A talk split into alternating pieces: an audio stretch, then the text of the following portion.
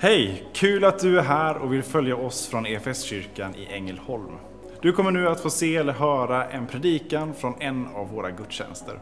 Har du några frågor eller vill veta mer om oss som kyrka så kan du alltid gå in på www.efskyrkan.info. Vill du ha tillgång till mer undervisning eller ta del av våra inspelade konferenser eller gudstjänster gå gärna in på vår play-kanal efskyrkan.tv. Nu ska vi lyssna på denna veckas predikan. Det är en temaserie som vi inleder idag och som eh, följer oss under fastan eh, fram till påsk. Så vill vi samlas vid korset. Idag med underrubriken Där blir du hel. Och vi, vår bön är att vi under fastan ska få, eh, ska få samlas på, på flera sätt. Vi ska få samlas som församling, som, eh, som Guds folk eh, och få, eh, få återsamlas och få, få en gemensam blick, få ett gemensamt fokus. Men det är också vår bön att vi ska få, få samlas i oss själva, få bli hopsamlade som, som människa för att vi är, vi är splittrade. Och vi blir ständigt splittrade och det är ständigt så mycket som drar i oss eh, av eh, rädsla, av oro, eh, av distraktioner, av plikter. Och här tror jag att Gud vill samla oss. Och platsen där han samlar oss som människor, platsen där han samlar sitt folk, det är vid korset. Så låt oss få ta den här fastetiden fram till påsk för att låta Gud göra det här med oss. Därför att det är han som samlar åt sig ett folk. Jesus bygger sin egen kyrka. Det är inte vi som bygger EFS-kyrkan. Vi får vara med på ett hörn. Det är fint. För vi behöver hitta var, var vi är och vilka vi är och Eh, vart vi är på väg. Under eh, en tid, nu har vi haft en pandemi där vi har eh, tvingats hitta nya vanor. Vi har samlat på oss nya vanor. En del goda vanor, men också mindre bra vanor.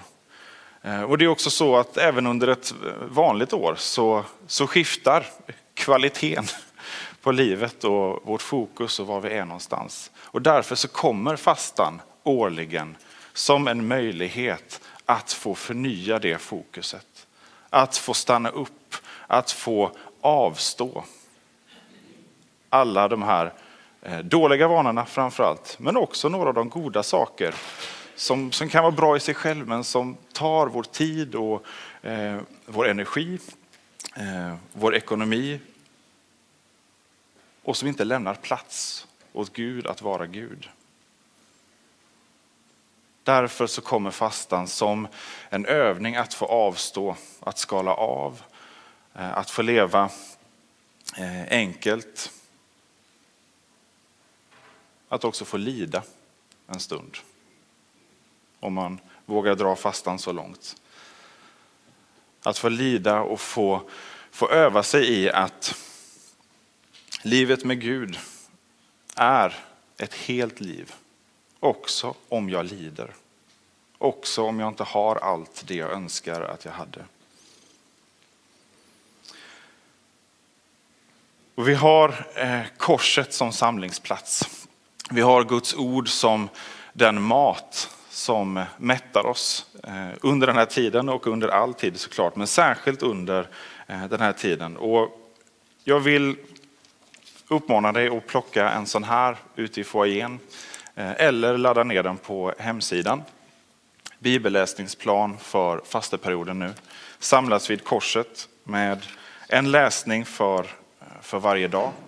Eh, och gör vi det här tillsammans så blir det också någonting som samlar oss. Ett Guds ord som får tala samma ord till oss varje dag. Sen kan Gud få väcka olika saker utifrån de orden och så får vi dela det med varandra och så får det fördjupa och berika vår läsning och vår tro. Därför att vi behöver få lyfta vår blick. Vi behöver få, få lyftas ur, ur vårt eget. Det blir snabbt väldigt snävt. Det blir snabbt mitt eget. Vi behöver Guds ögon för oss själva, för vilka vi är. Vi behöver Guds ögon för vår tillvaro, för den tiden som vi lever i. Och den bästa platsen att få göra det är att få stanna upp vid korset. Vad Jesus har gjort där, vad han gör. Så vi ska få slå upp ett bibelord. Kanske får jag skicka med en, eh, en uppmaning till eh, här inför fastan. Vi är ju väldigt bortskämda med, eh, med projicerade bibelord här. Ta med Bibeln, den fysiska Bibeln, till gudstjänsterna framöver eh, och bekanta dig med den. Inte bara pushnotisen i telefonen från YouVersion, och, eh, och utan använd Bibeln, bli bekant med din Bibel. Lär dig, eh, lär dig slå i den igen. Så vi ska, eh, vi ska snart få, eh, få slå upp Bibeln och läsa tillsammans.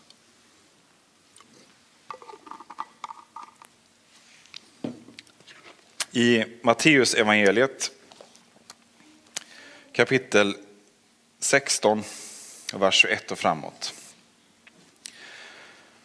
Från den tiden började Jesus förklara för sina lärjungar att han måste bege sig till Jerusalem och lida mycket genom de äldste och översteprästerna och de skriftlärda och bli dödad och bli uppväckt på tredje dagen.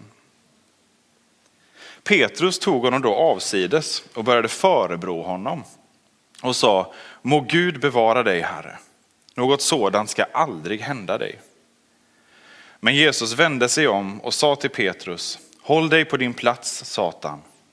Du vill få mig på fall, för dina tankar är inte Guds utan människors.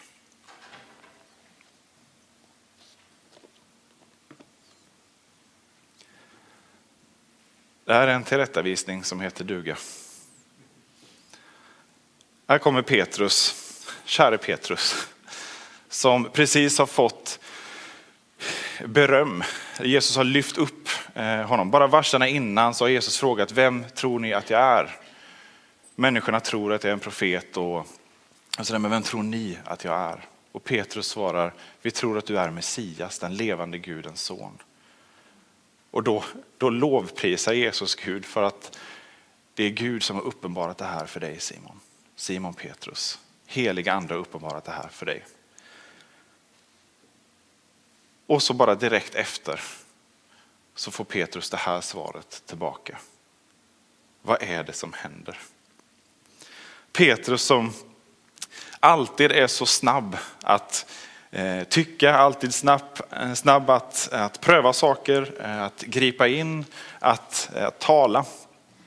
Han är den som kliver ur båten när Jesus kommer på vattnet och han, han går fram till Jesus men sen sjunk, börjar han sjunka när han tappar blicken. Han är också den som lovar Jesus att vi kommer aldrig överge dig. Om alla andra skulle överge dig så skulle inte jag göra det. Och sen så är det Petrus som tre gånger förnekar att han ens känner Jesus. Och går därifrån och gråter bittert. Och här så vill Petrus uppmuntra Jesus. Nej, du ska inte dö. Gud kommer bevara dig. Och så får han det här svaret från Jesus. Håll dig på din plats, Satan. Här kommer någonting till uttryck hos Petrus som är så allvarligt att det inte är ens Petrus egna tankar som Jesus vänder sig emot, utan det är, det är Satans tankar. Och han säger att det här är människors tankar och inte Guds tankar. Ur ett mänskligt perspektiv, ur Petrus perspektiv, så var det fullständigt otänkbart att Jesus skulle utlämnas, bli plågad och dö. Petrus har ju sett vad Jesus kan göra. Vid ett tillfälle så försöker en folkhop döda Jesus och kastar honom ner för en klippa och han går bara rakt igenom folkhopen. Ingen lyckas eh, pressa honom ut för klippan. Petrus vet ju vem Jesus är. Och dessutom med en, en bild av att den som, som har Guds gillande, en from mästare som Jesus, skulle väl aldrig kunna bli drabbad av något sånt. Guds fromme skulle väl inte kunna råka ut för sån ondska.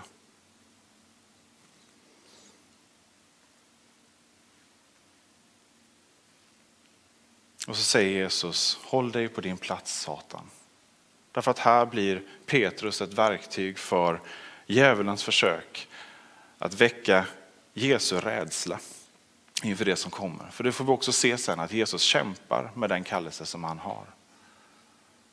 Han kämpar med den smärtan som han vet att det kommer innebära att bära all världens ondska och ta den som sin på korset.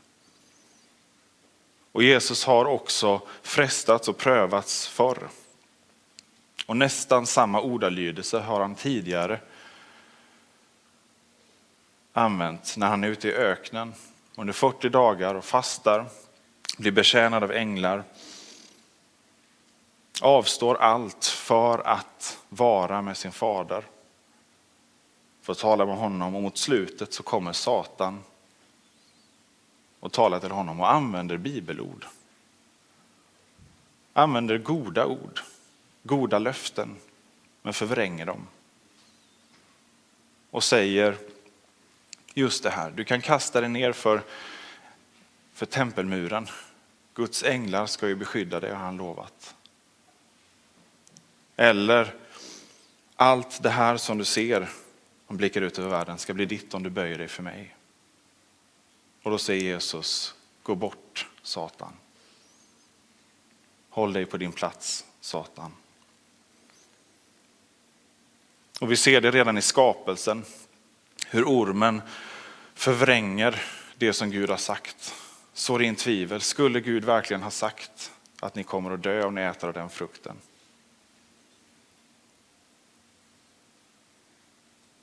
Att så in tvivel i det som är Guds plan. Att så in tvivel för det som är Guds löften.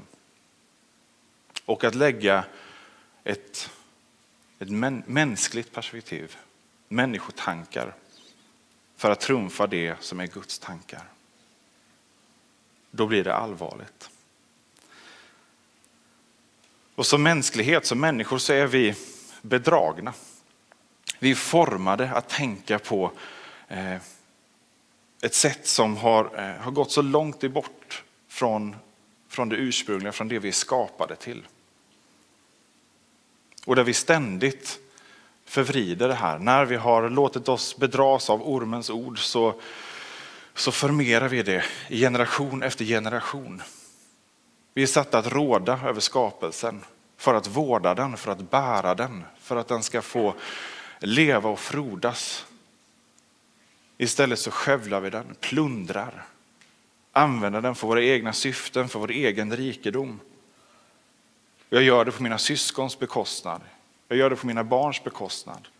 Jag gör det på mina grannars bekostnad.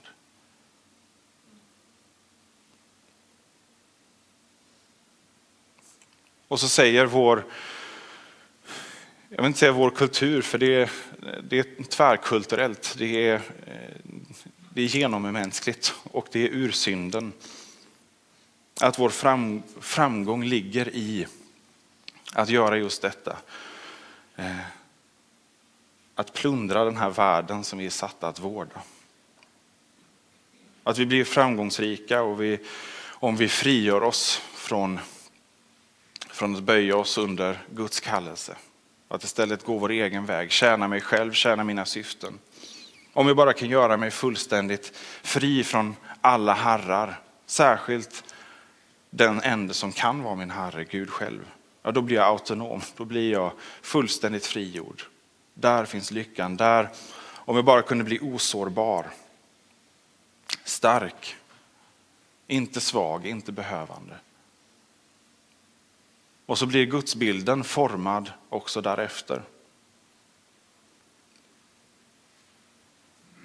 Och återkommande i historien så får Guds folk och kyrkan kämpa mot villfarelsen.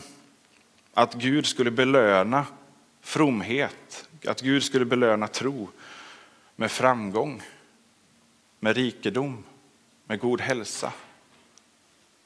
Att bli bevarad från allt slags lidande. Det låter så fint, det låter så fromt. Det skulle kunna vara Guds tankar. Men så är det motsatsen. Därför att Guds tankar är inte människors tankar. Men så rimmar det så bra också med vårt sekulära samhälle, den här synen på livet eller vad vi premieras av. Har jag rätt åsikter, rätt namn, status, ja då följer också framgång, inflytande, ekonomi. Det är det vi vill se, det är det vi tycker är naturligt som människor. Eller har jag inflytande ekonomi, ja då kan jag också skaffa mig ett namn, nå rätt status. Det går åt båda hållen.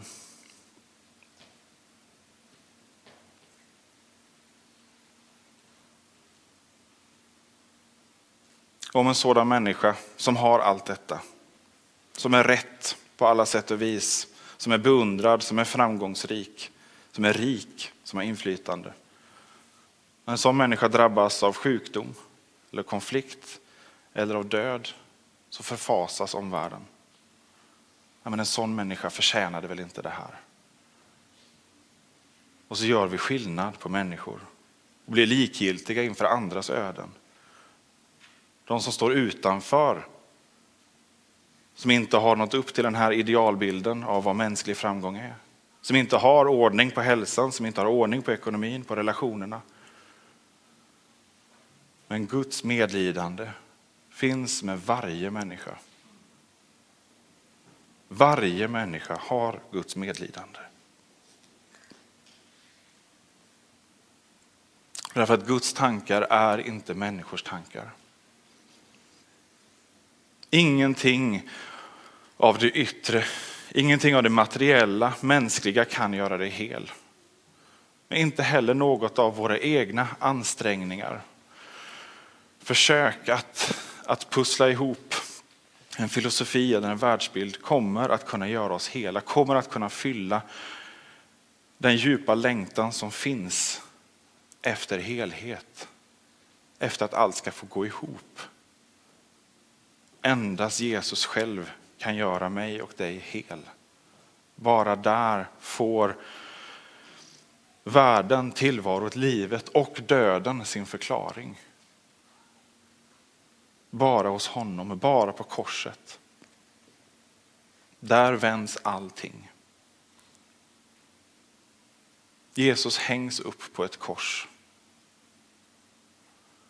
Fullständigt otänkbart att Messias, den utvalde, att Guds son skulle hamna där. Det står i skriften att förbannad är den som hängs upp på trä. Det här är vad Petrus har hos sig. Det är fullständigt omöjligt. Om Jesus hamnar där, då är han ju inte den han har sagt sig vara. Det här får inte hända. Och så blir Petrus rädsla och hans begränsade gudsbild ett tillfälle för Satan att få sticka in och om möjligt så tvivel hos Jesus själv. Inför det som är det viktigaste i mänsklighetens historia. Att Jesus kommer för att dö. Det är så viktigt. Därför reagerar Jesus så starkt. Därför att detta måste få ske. Och Jesus får inte frestas att undvika det. Därför att på korset så vänds allting när Guds son själv dör. När livet självt offras. Så innebär det att det som var dött, mänsklighetens hopp, grusat, får liv igen. Han tar vår död, vår synd, våra svek, vår rädsla, vår ångest. Allt det tar han i sin kropp och gör till sitt eget. Därför blir han förbannad på korset. Därför ropar Jesus, min Gud, min Gud, varför har du övergivit mig? Därför att där och då så skiljs Jesus från livet, från allt som är gott och tar vårt mörker för oss.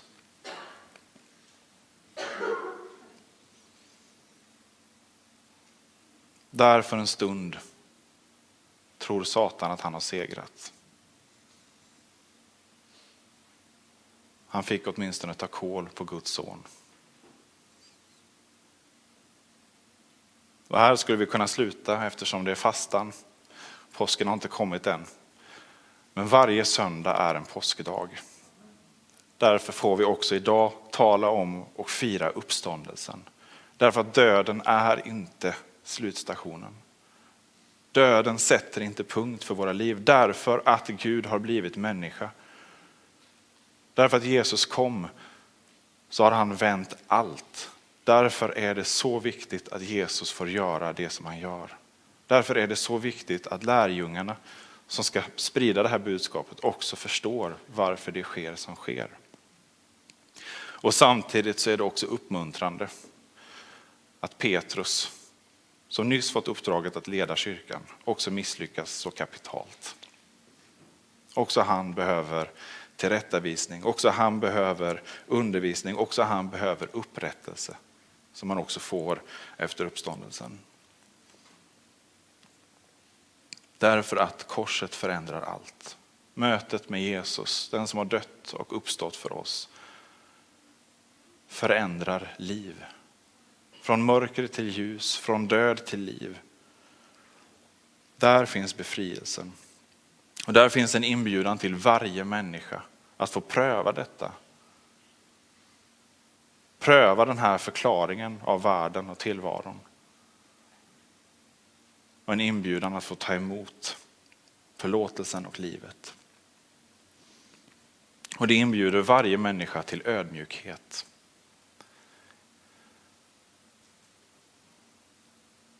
Det krävs ödmjukhet för att böja sig för en sån här världsbild. När vi är vana vid att det är makt och inflytande och stora ord som har, som har det sista ordet. Istället så visar Jesus på en annan väg, lidandets väg. Att försaka, att avstå, att ge sitt liv för någon annan. Den som vill vara störst bland er ska bli de andras tjänare. Det är inte den här världens tankar, men det är Guds tankar. Och här finns en enorm befrielse. Att få lägga av oss det ok som den här världen lägger på oss. Förväntningarna på vad det innebär att vara framgångsrik som människa, att vara lyckad, att vara hel. Det är så mycket lögner. Här finns en befrielse i att få lägga av allt det här, att få släppa allt det här vid korset. Och erkänna, jag behöver, jag behöver få böja mig för dig Jesus. Jag har inte längre något att komma med. Därför så består kyrkan av alla möjliga människor. Genom historien och världen över idag så har vi sällskap av alla sorters människor. Fattiga och rika, uträknade, framgångsrika, sjuka, friska, män, kvinnor.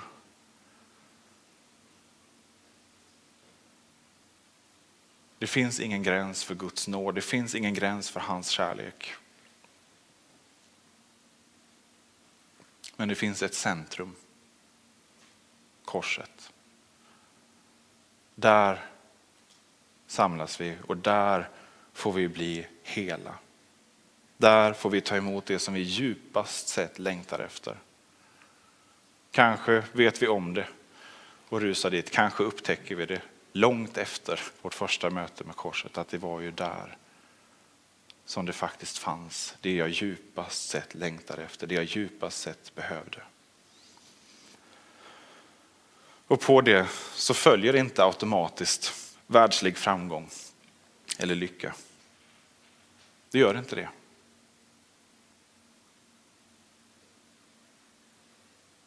Men på det så följer att du i sanning blir hel som människa. Du blir rättfärdiggjord.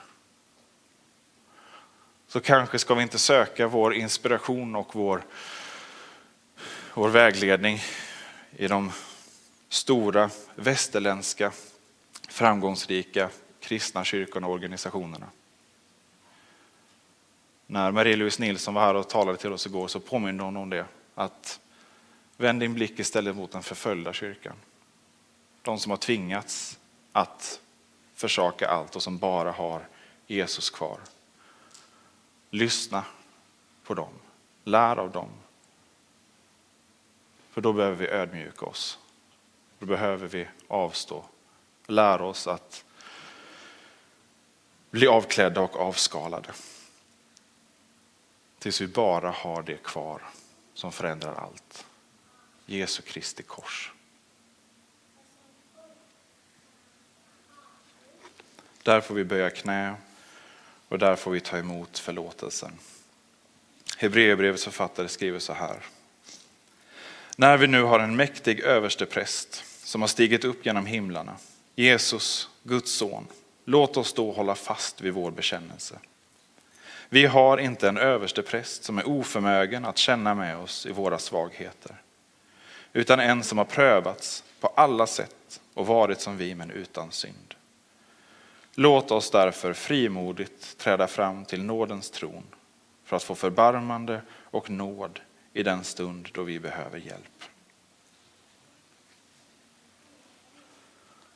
Så låt oss be och bekänna vår synd tillsammans. Som kyrka är det en glädje att få spela en liten roll av allt Gud gör i och genom ditt liv. Vi vill gärna fortsätta följa dig på den resan och vill du ta reda på vad ditt nästa steg kan vara på din resa med Gud så gå in på efskyrkan.info nästa steg. Vår längtan är att få se människor och samhällen förvandlade av Jesus. Genom en kyrka som återspeglar Guds hjärta, bär varandra och betjänar människor varhelst vi befinner oss varje dag.